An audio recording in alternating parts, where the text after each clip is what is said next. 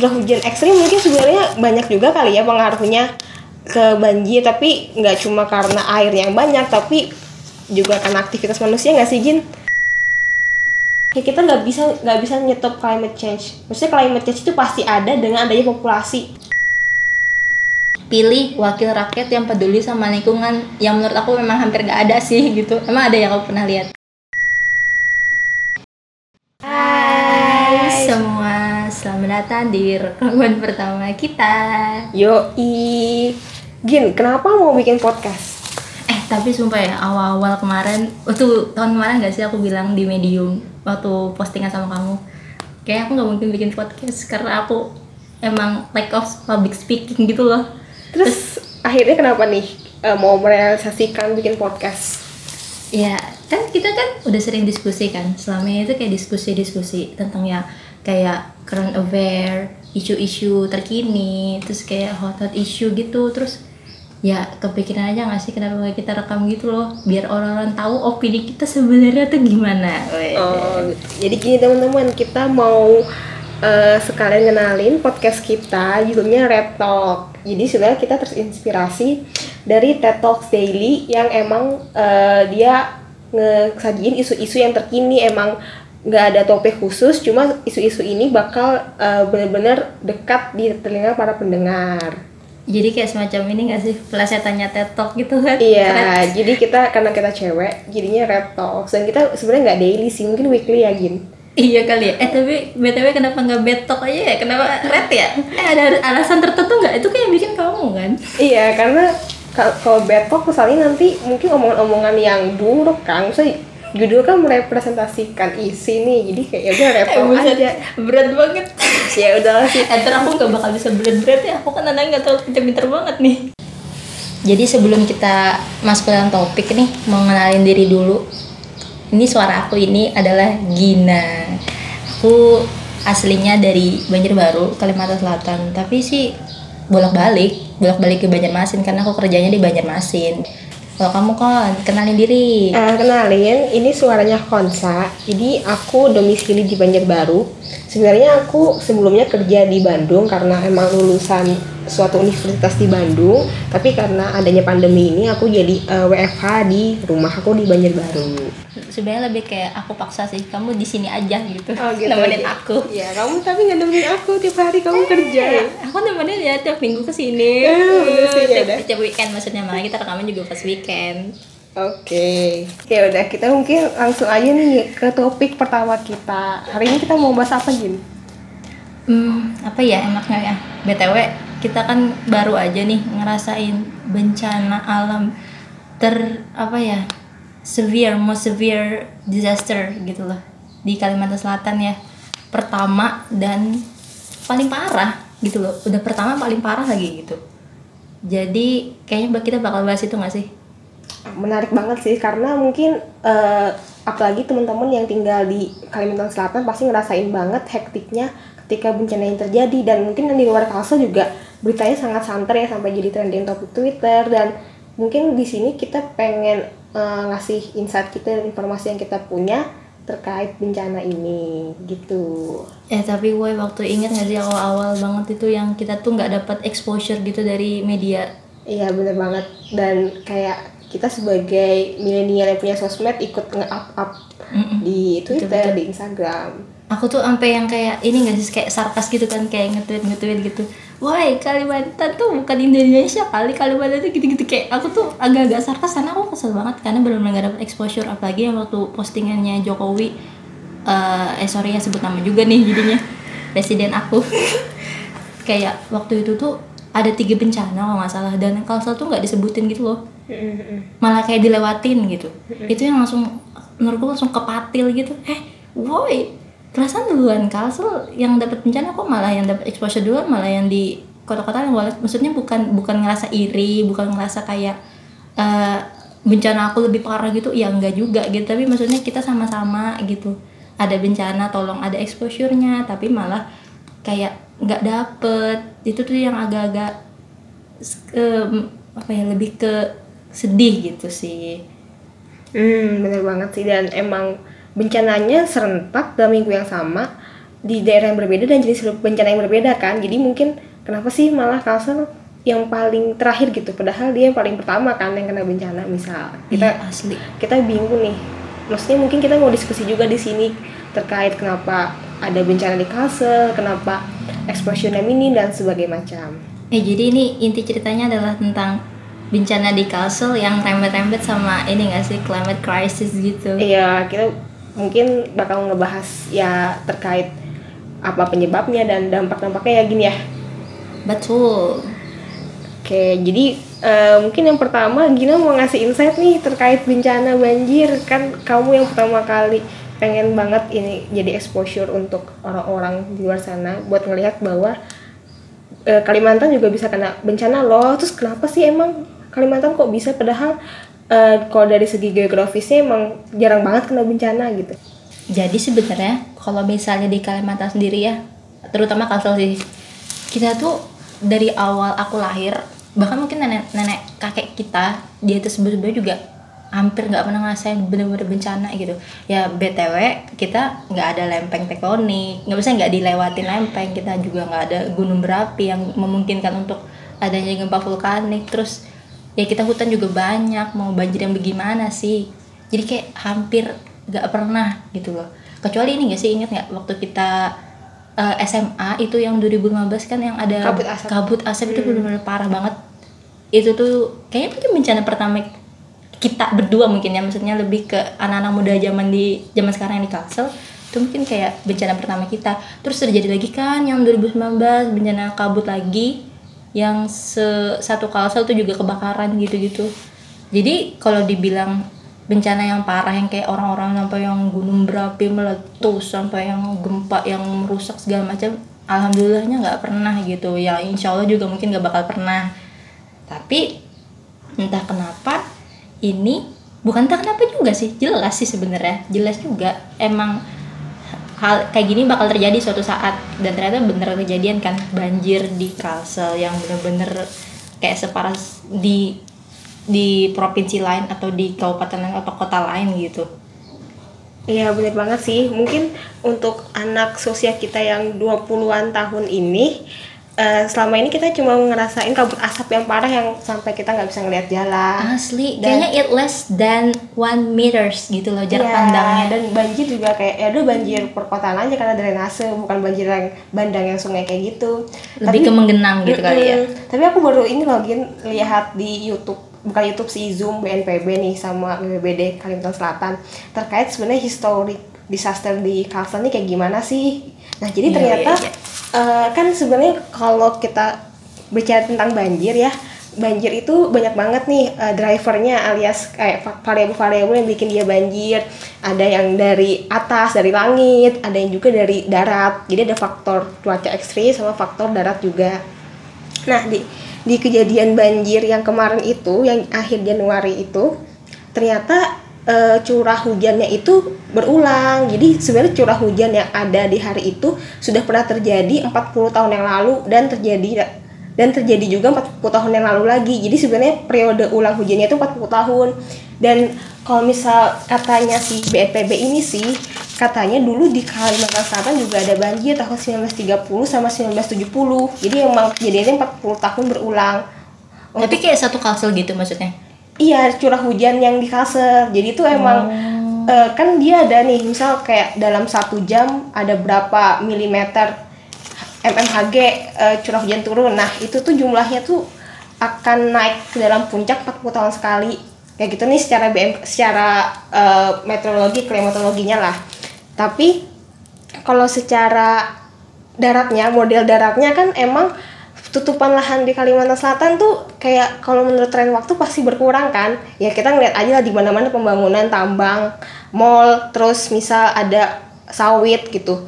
Makanya maksudnya kenapa ini tuh paling parah di antara yang lain? Karena dulu tahun 1930 dengan 1970 dengan curah hujan yang sama hutannya masih ada masih ada banyak masih gitu ada ya. yang absorb gitu. Tapi sekarang ya kita ngeliat aja sampai sampai kita ngeliat kerbau larut gitu. Sapi larut di sungai. Maksudnya kenapa sampai kayak gitu? Ya karena emang nggak ada yang nyerap airnya gitu. Di hulu tuh udah nggak ada lagi. Bukan nggak ada ya mungkin berkurang drastis.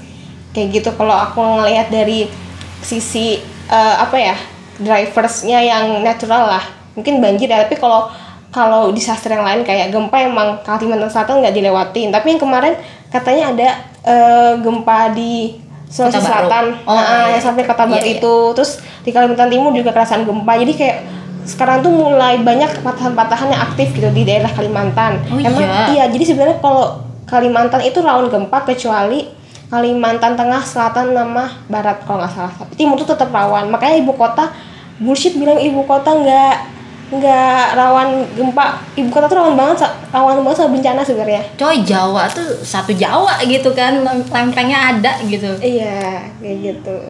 Oh ya bagi teman-teman yang tahu eh, ada banjir di Kampung tapi sebenarnya nggak tahu eh, gimana dampaknya, mungkin aku pengen ngasih tahu sedikit nih eh, facts reportnya dari banjir Kalsel. Nah, banjir Kalsel ini sebenarnya terjadinya dari tanggal 12 sampai 15 Januari 2021. Mostly dia eh, hampir mungkin 3 per 4 dari kecamatan di Kalsel terdampak. Jadi kayak dari 13 kecamatan, eh 13 maaf kabupaten kota yang terdampak itu ada 10 kalau nggak salah.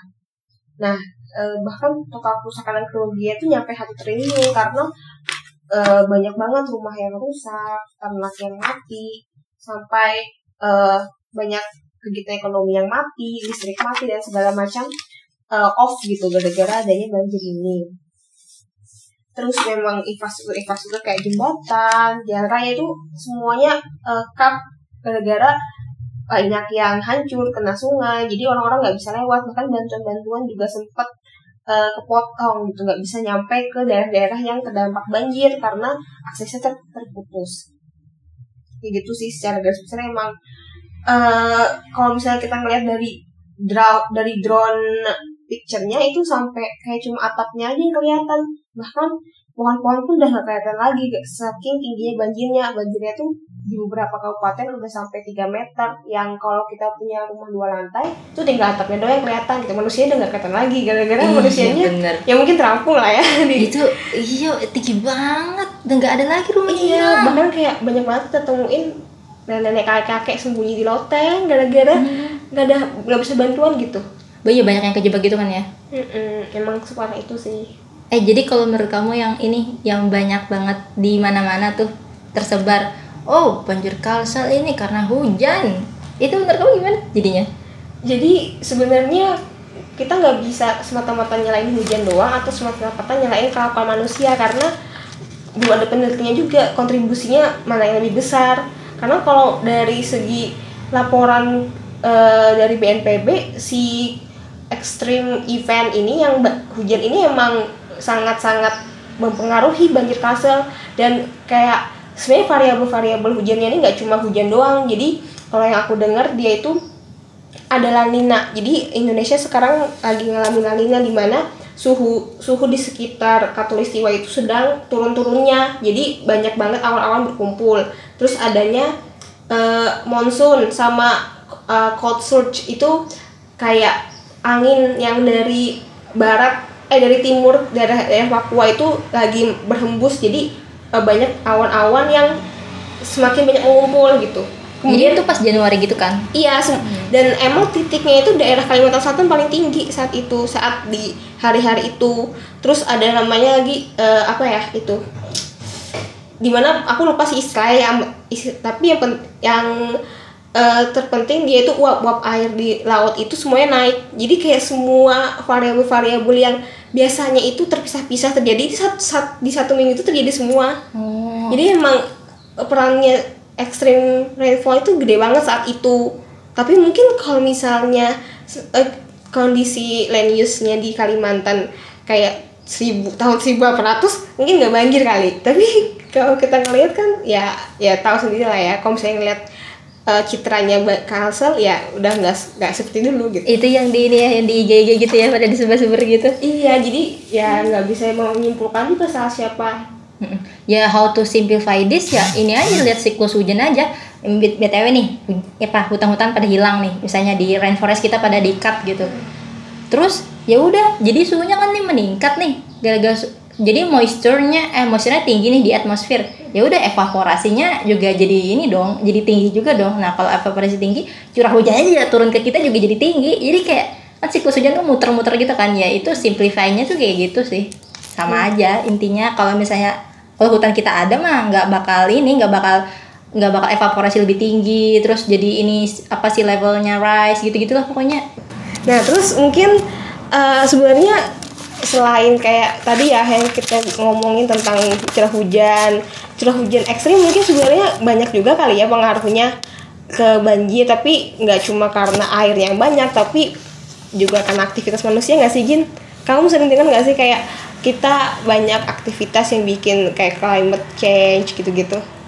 aku tuh ngerasa ya kayaknya orang yang paling pertama bertanggung jawab terhadap bencana-bencana di dunia lah atau mungkin di kalsel di lokal gitu ya kita sendiri menurut aku tuh kita sendiri ya oke lah eh, ini main culprit dari climate change sendiri itu adalah massive company sama 10% richest company di dunia. Oke, bisa jadi betul, betul banget. Tapi mereka tuh nggak bakal melakukan ekspansi, mereka tuh nggak bakal melakukan produksi berlebihan. Kalau nggak kita yang juga yang berlebihan lifestyle-nya, kalau kita juga yang terlalu konsumtif sama apa yang kita pengen gitu. Makanya kalau menurut aku mah yang paling utama mesti disalahin ya diri kita sendiri woi. Kita juga manusia-manusia ini yang terlalu berlebihan terlalu eksploitasi terlalu semuanya terlalu terlalu gitu. Makanya juga apa kayak company-company juga berlebihan kan melakukan ini ekspansi industri berlebihan eh, kayak menebang pohon atau ya whatever you say lah gitu. Jadi hal orang menurutku yang orang pertama yang harus disalahkan adalah kita sendiri bukan company-company itu gitu. Oke company ber, company memang uh, punya andil besar but mereka nggak bakal melakukan itu semua kalau kita juga nggak berlebihan. Tapi dilematis nggak sih Jin? Kalau misalnya kita ngelihat eh, banjir di Kalsel nih, kan pasti semua orang bilang bahwa banjir di Kalsel karena eh, masifnya pertambangan batu bara yang bikin Iya, iya, eh, iya. penebangan hutan, kemudian kelapa sawit. Padahal kita kita pasti ngelihat dong eh, sektor sawit dan batu bara ini yang paling tinggi mem- jadi apa ya PDRB lah istilahnya kalau orang-orang ekonomi bilang menyumbang pendapatan di Kalsel otomatis itu kan banyak meningkatkan tenaga kerja menyumbang juga ke sektor-sektor ekonomi yang eh, multiplier effect lah. Untuk multiplier effect ke sektor-sektor lainnya. Misalnya karena adanya pertambangan jadinya di sekitar sana banyak perdagangan kayak gitu-gitu. Maksudnya ya kita sadar lah itu membantu sangat membantu perekonomian. Tapi di sisi lain itu juga lama-lama menghancurkan kita sendiri gitu. Kadang kayak dilema gitu nggak sih? Tapi kayak itulah makanya kan kita eh btw kita kan ini ya eh, basicnya emang tata kota nih. Kita punya basic di planologi lah ada ada urusannya lah sama tentang penataan penataan ta- ini ruang gitu. Ya emang ekonomi itu udah apa ya kayak core core main core dari suatu negara suatu negara suatu daerah gitulah pastilah itu tuh adalah hal yang diutamakan di antara semua aspek. Misalnya kan tiga nih sustainable ini sustainable apa? Apa sih namanya? Sustainable. Iya sustainable development. Iya. ininya lah intinya ada tiga nih ya lingkungan sosial sama ekonomi harus di ini distabilkan. Ya mau gimana caranya e- ekonomi emang bakal naik kalau misalnya pertambangan jadi atau kalau pasar jadi. Dan aku tuh pernah denger ya katanya sebenarnya ya semua titik di Kalimantan Selatan ini memang potensi untuk dijadiin pertambangan gitu. Makanya kalau mau dikata ekonomi mau dijalanin terus itu satu kasus juga bisa tuh dijadiin pertambangan saking suburnya gila saking banget bagusnya berarti rumah aku bisa jadi ditambang Iya coy, kalau kita lihat kajiannya tuh emang bisa misalnya kayak, kayak Gunung Meratus gitu itu memang bener-bener satu satu gunung juga bisa tuh dijadiin tambang mungkin kali ya gitu. Kalau nggak salah aku pernah pernah denger gitu. Jadi tinggal gimana kitanya lagi memaintain ini semua lagian ya. Menurut aku berdasar bukan menurut aku ya salah berdasarkan buku yang kita baca nih The Future Witches yang buku yang benar-benar merubah ini merubah hidup kita kali ya. Cara berpikir kita terhadap uh, kehidupan yang sustain lah ya Heeh, ya itu. Terus yang dua hal utama untuk menanggulangi climate crisis ini adalah yaitu dari technology support sama renewable energy. Selama kita masih pakai non renewable energy kayak tadi pertambangan, pakai fossil fuel, pakai coal, ya yang inilah yang tidak terbaharui energinya lah. Ya, ya nanti sampai ke depannya juga udah rusak aja dunia ini gitu rusak bumi ini Hmm, benar banget sih. Kayak sebenarnya PR-nya banyak banget dari individu kita, lifestyle, terus juga dari uh, big company-nya juga. Dan kita sebenarnya mau bilang bahwa shifting ke renewable energy, kita sendiri apakah bisa gitu? Maksudnya shifting kan, ya yang aku tahu ya renewable energy kan alatnya mahal banget ya, panel surya, terus kalau misalnya mau bikin biomass atau mau bikin apa wood chip dan bla bla bla itu kayak maksudnya benchmarknya di mana gitu? Di Indonesia yang udah pernah kayak gitu. Setahu aku cuma baru ada panel surya doang ya di daerah NTT gitu.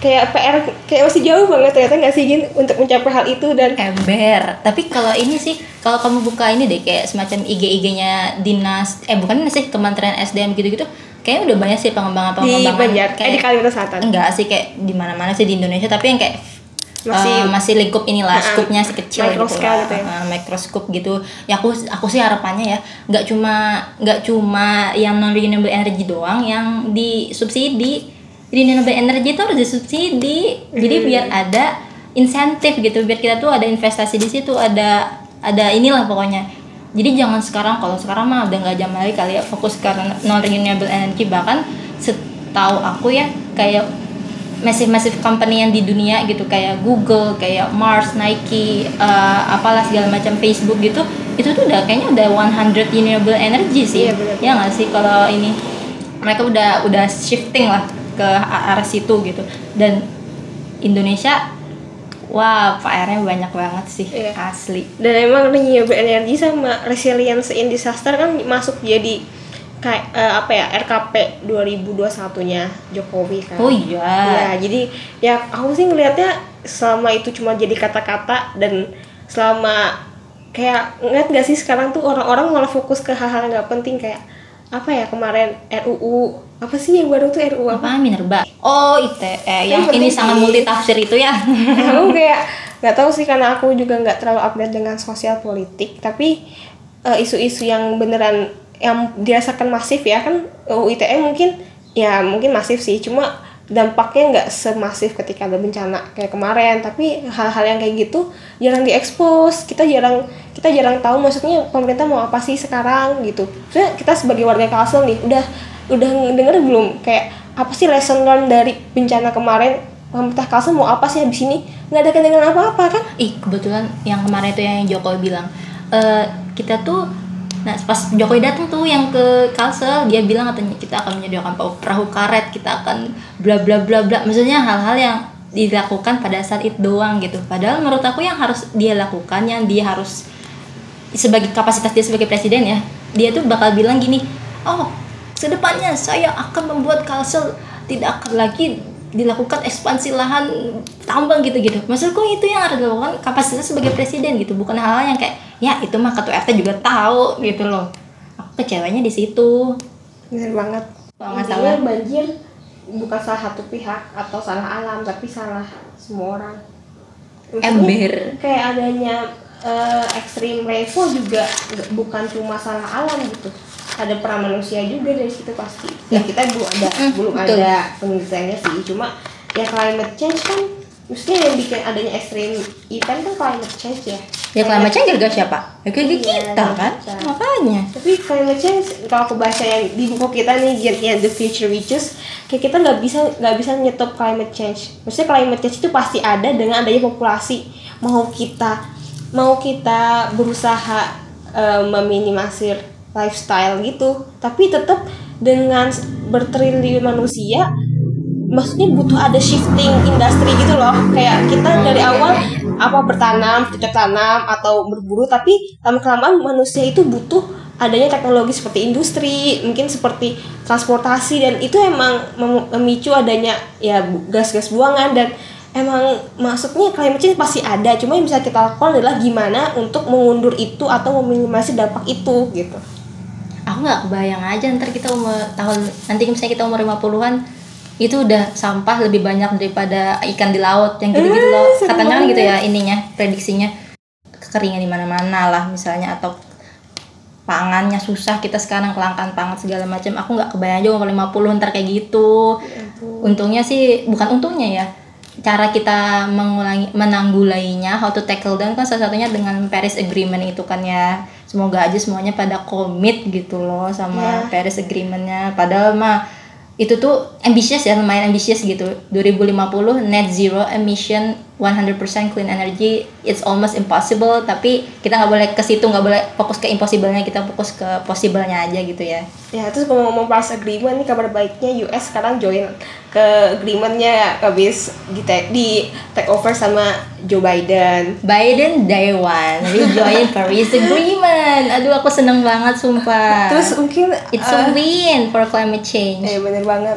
Eh, apa namanya unpopular opinionnya nih tentang Paris Agreement atau kayak SDGs, MDGs kayak gitu. Gak tau nih, aku sering baca juga ya. Sebenarnya ini tuh se- sebuah eh, apa ya politik action juga sih Gin. Gak tau nih ya, mungkin kamu cu- punya oh punya political branding punya apa ya punya referensi yang ber- berbeda tapi yang aku baca SDG, SDG sama Paris Agreement ini adalah suatu gerakan dari negara-negara industri yang awal kayak seperti Inggris atau negara Eropa yang Hmm. memang menginisiasi industrialisasi dan merasa bahwa oh kayaknya kalau kita nggak memulai eh, aksi climate change dari sekarang negara kita akan terdampak. Padahal negara mereka maksudnya kalau kita ngeliat global south itu jauh lebih terdampak daripada global north kan sekarang. Iya kita tuh cuma korbannya doang. Nah, tapi mereka jadi apa ya istilahnya mengkambing hitamkan oh kamu nih daerah global south yang masih industrialisasi kamu tanggung jawab kamu harus ikutan padahal kayak proporsi yang bikin climate change itu yang mereka dulukan gitu. Iya, tapi iya, mereka iya, jadi iya. jadi meras mereka berhasil membuat kita kayak duh mereka mereka udah shifting ke teknologi yang lebih clean nih clean energy kita masih kayak gini aja. Masa nggak malu sih kita yang bikin climate change itu? Terjadi tanpa tahu bahwa climate change itu terjadi sekarang adalah banyak banyak eh, sumbangan dari mereka gitu. Jadi kayak itu main aku baca main blow sih kayak sebenarnya ya emang dari hati nurani kita kita harus menjaga bumi. Tapi maksudnya jangan sampai kita mikir bahwa kayak eh ya udah yang salah adalah orang negara-negara berkembang gitu. Oh iya iya iya iya. Betul betul betul. Ya sih kayak wah Maksudnya kita jangan, jangan, percaya-percaya amat dengan negara-negara maju Tapi ya kita tetap harus melakukan apa yang menurut kita benar Kayak gitu. Wah bullshit lo negara maju gitu ya ntar Iya iya, apaan sih negara maju? Dasar lo Gitu. negara maju. Ini jadi third world country. Dasar. Udah, dodol. Jadi kalau menurut aku ya berdasarkan buku Why Nations Fail, keberhasilan suatu negara itu ditentukan oleh dua dua hal, institusi politik sama institusi ekonomi. Jadi menurut aku terkait dengan kebencanaan, terkait dengan climate change in a general ini ya, general system gitu. Bisa benar-benar tackle down ini adalah institusi politik dan institusi ekonomi. Institusi ekonominya adalah dari perusahaan-perusahaan, terus dari institusi politiknya dari pemerintah atau dari eh, apa legislatif kita gitu. Makanya kalau menurut aku mah pilih wakil rakyat yang peduli sama lingkungan yang menurut aku memang hampir gak ada sih gitu. Emang ada yang kamu pernah lihat? nggak tahu maksudnya kampanyenya juga sekarang lebih ke ya mereka bilang bi- kalau harus resilience tapi aku belum Gak ada, melihat gak pernah gak ada. Emang ada orang kampanye kayak gitu? ya nggak kampanye sih tapi lebih ke, aku ngeliat dokumen rencananya kayak Hmm, udah mulai mengusung oke, susahnya beresilience tapi kayak itu cuma words nice words tanpa ada breakdown oh emang kamu tahu nggak sih resilience itu apa? Gitu. Bahkan kayak kalau aku aku pernah ikut forumnya yang kayak expert-expert kayak gitu ya cuma jadi kerucil-kerucil doang sih. Cuma ya mereka tuh sebenarnya nggak ngerti bedanya ketangguhan sama ketahanan gitu. Aku nggak tahu emang apa bedanya pada aku Kalau- belajar kalau- sih. Tapi aku nggak tahu. kalau ketangguhan tuh kita eh, kapasitas kita untuk bounce back. Jadi kayak misalnya kita udah kena bencana kita semakin kita tangguh kita semakin cepat pulih gitu.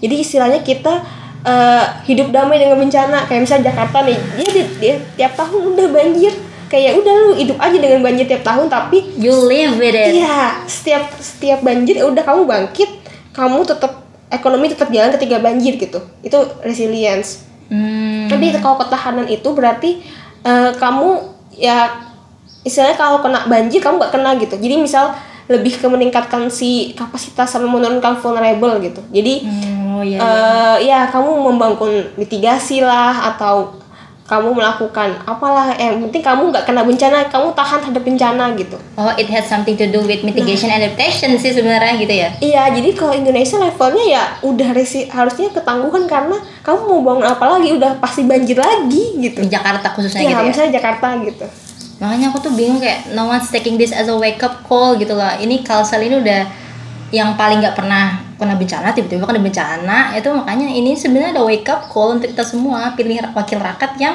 peduli sama lingkungan gitu atau kita nyalon aja ya kayaknya ya. aku nggak mau nggak suka politik Eh, kenapa gak suka politik? kamu mau jadi akademisi aja Aduh, itu kayak politiknya aja ya. boleh. kita lagi Aku- tugas. aku dukung pakai eh, apa evidence base Pilih nomor satu Regulation. Gina.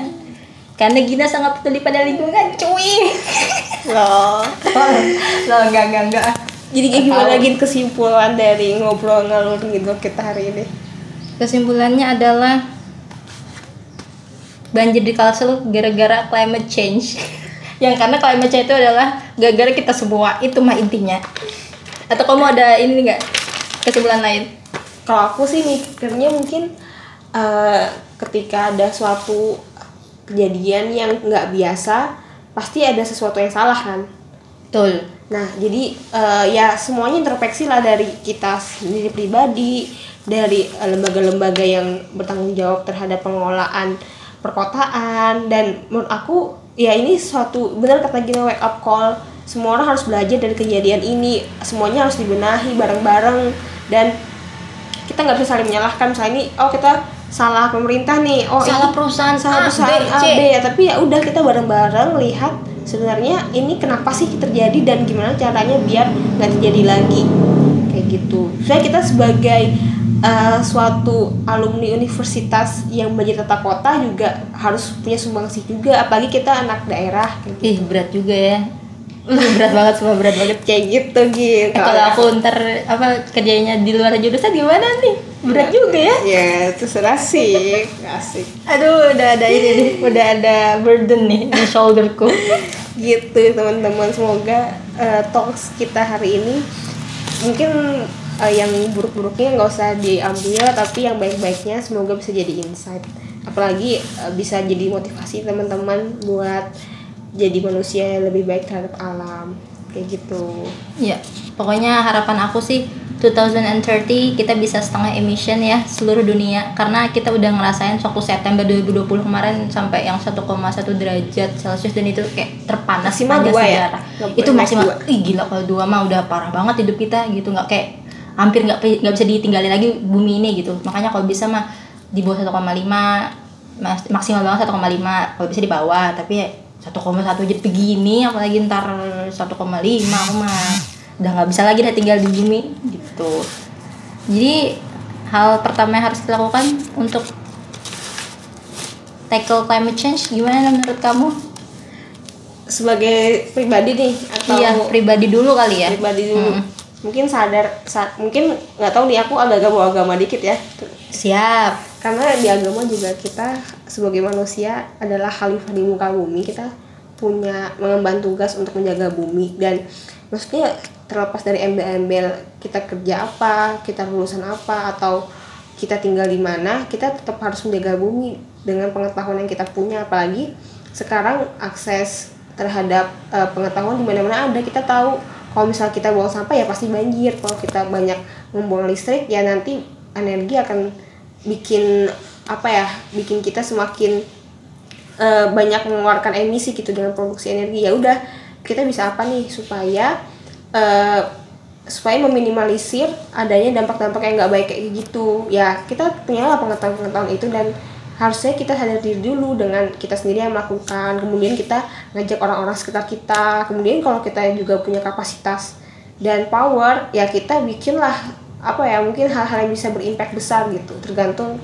sebenarnya kita sekarang sedang memegang role apa aku sih. bikin second Instagram bener tapi yang kamu influence sama aku Terus ini sih aku tuh bingung gitu. Orang-orang tuh selalu eh, menggaungkan hablum minanas, hablum minallah. Lupa nih hablum sama lingkungan. Maksudnya lingkungan tuh juga salah satu komponen dalam hidup ini gitu. Kenapa kamu coba fokus sama hubungan Allah sama hubungan manusia tapi hubungan sama lingkungan kamu enggak gitu. Mereka hubungan sama hewan mungkin misalnya juga perlu gitu. Kenapa kita nggak coba untuk hubungan sama lingkungan? Lingkungan juga ini salah mungkin bisa jadi salah satu cara kita masuk surga gak sih? Insya Allah amin gitu maksudnya. Terus kayak lifestyle lifestyle gitu loh. Kalau menurut aku tuh kayak beban moral gitu loh. Misalnya kamu fokus banget sama lingkungan sama climate crisis etc tapi gaya hidup kamu nggak berubah. Terus kayak beban moral menurut aku ya nggak sih? Ya itu jadi kalau menurut aku banyak sih aksesnya kalau mau belajar belajar tentang gaya hidup yang lebih baik. Salah satunya di apa cuskan Instagram aku. Enggak enggak enggak enggak enggak, enggak. not so earthy. Oh my god terus sama ini hey sustaination gitu ya. Kita kita kita kasih tahu aja nih Instagramnya apa aja yang oke oke sustaination. Zero zero waste ID Uh, zero waste ID waste terus for change. sama dosen aku Deka Bu at Deka Wardani itu dosen aku. Aku adore adore her banget sih gitu. Karena dia udah sampai benar-benar zero waste lifestyle. Itu tuh masih way beyond me tapi I'm trying to. Terus kak ini Sasetia Nintias ya Hmm, at Sasetia Nintias Katias. Itu alumni kamu kan ya? Alumni TB terus sambet deh oke oke Ih, gak apa, kamu mah gak boleh malu sama institusi kamu. Jahat. Aku yang gak mau ngakuin lo kita skip it as a secret Oke Terus Apalagi ya? Banyak sih yang ini banget yang benar-benar concern sama lingkungan apalagi diet-diet apa diet-diet plastik itu juga udah banyak ininya forum-forumnya. Aku tuh ini banget sih embrace banget sama Banjarmasin. Itu yang udah berani bikin uh, pergub apa perwal atau whatever it is gitu aku aku nggak terlalu hafal karena aku waktu itu lagi di ini lagi di Malang ya udah ada peraturan tentang penggunaan ini Plastik. pelarangan salah pelarangan plastik Oh, di retail iya. retail gitu kan it's such a big step menurut aku ya karena itu susah banget untuk ngurangin sekali pakai tapi kita berhasil gitu loh. Aku ngerasa banget banyak sekarang yang udah bawa kantong belanja di Kalsel eh, atau salah bukan di Kalsel sih Banjarmasin Banjarbaru ini especially gitu. Mereka kita bukan mereka kita udah berani bawa kantong belanja ke mana-mana. Itu big step banget. Coba I have to appreciate it gitu. Tapi walaupun sempat ini ya kayak pasang surut pasang surut waktu yang 2000 berapa tuh udah ada terus kayak stop itu ada lagi gitu ya sekarang terutama kita keren banget sih emang kita harus appreciate small win Mm-mm. Small wins matter. Iya, Boleh. gitu. Jadi kamu ada ini nggak kayak rekomendasi-rekomendasi ini lagi juga kayak buku atau film gitu yang mesti kita tonton untuk lebih memahami climate crisis atau ini semua Kalau film mungkin pada tahu yang itu ya, yang pernah booming apa sih? Yang semesta. Eh semesta juga bagus tuh Ah, yang oke. Nicholas Saputra kan. Yang di YouTube itu yang eh, Kalimantan Timur yang Harrison Ford itu ya apa? yang yang apa? Yang minyak tumpah itu loh. Iya, Harrison Ford nggak sih yang ininya kayak pelak pelakunya lagi aktornya gitu? Bukan nggak sih ada lupa. Pokoknya di kalau di YouTube pokoknya banyak deh. Tapi kalau kalau film yang beneran produs produksi dan di XX1 mungkin tadi yang semesta Semesta. terus eh apa ya itu kali ya? itu doang ya Indonesia ya Aku ini sih paling suka aku yang punyanya David Attenborough yang Alive in Our Planet itu tuh ada seriesnya ada filmnya juga gitu. Tapi aku nonton yang filmnya doang sih belum yang seriesnya. Karena seriesnya lebih ke kayak hewan-hewan pohon-pohon gitu. Kalau yang Alive in Our Planet tuh bener-bener yang dia tentang climate change tentang dia Sir, ini Sir David ya? Kok David Attenborough doang? Btw dia dikasih Sir karena ini dia. Iya iya. eh, kontribusi dia terhadap lingkungan gitu sama Queen Elizabeth. Dia itu ceritain kan dia tuh dia tuh adalah jurnalis dari tahun 1950-an gitu. Udah lama banget hidup dia.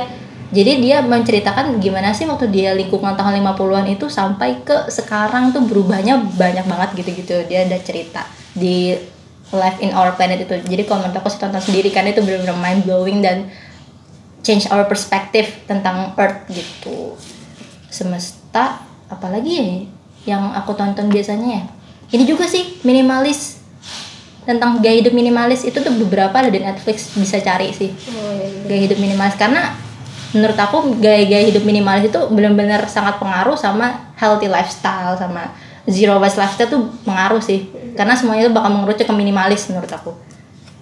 Terus kalau buku mungkin yang yang rekomendasi yang kita baca The Future We Choose karya Mhm. Christina Figures dan Tom Rivet.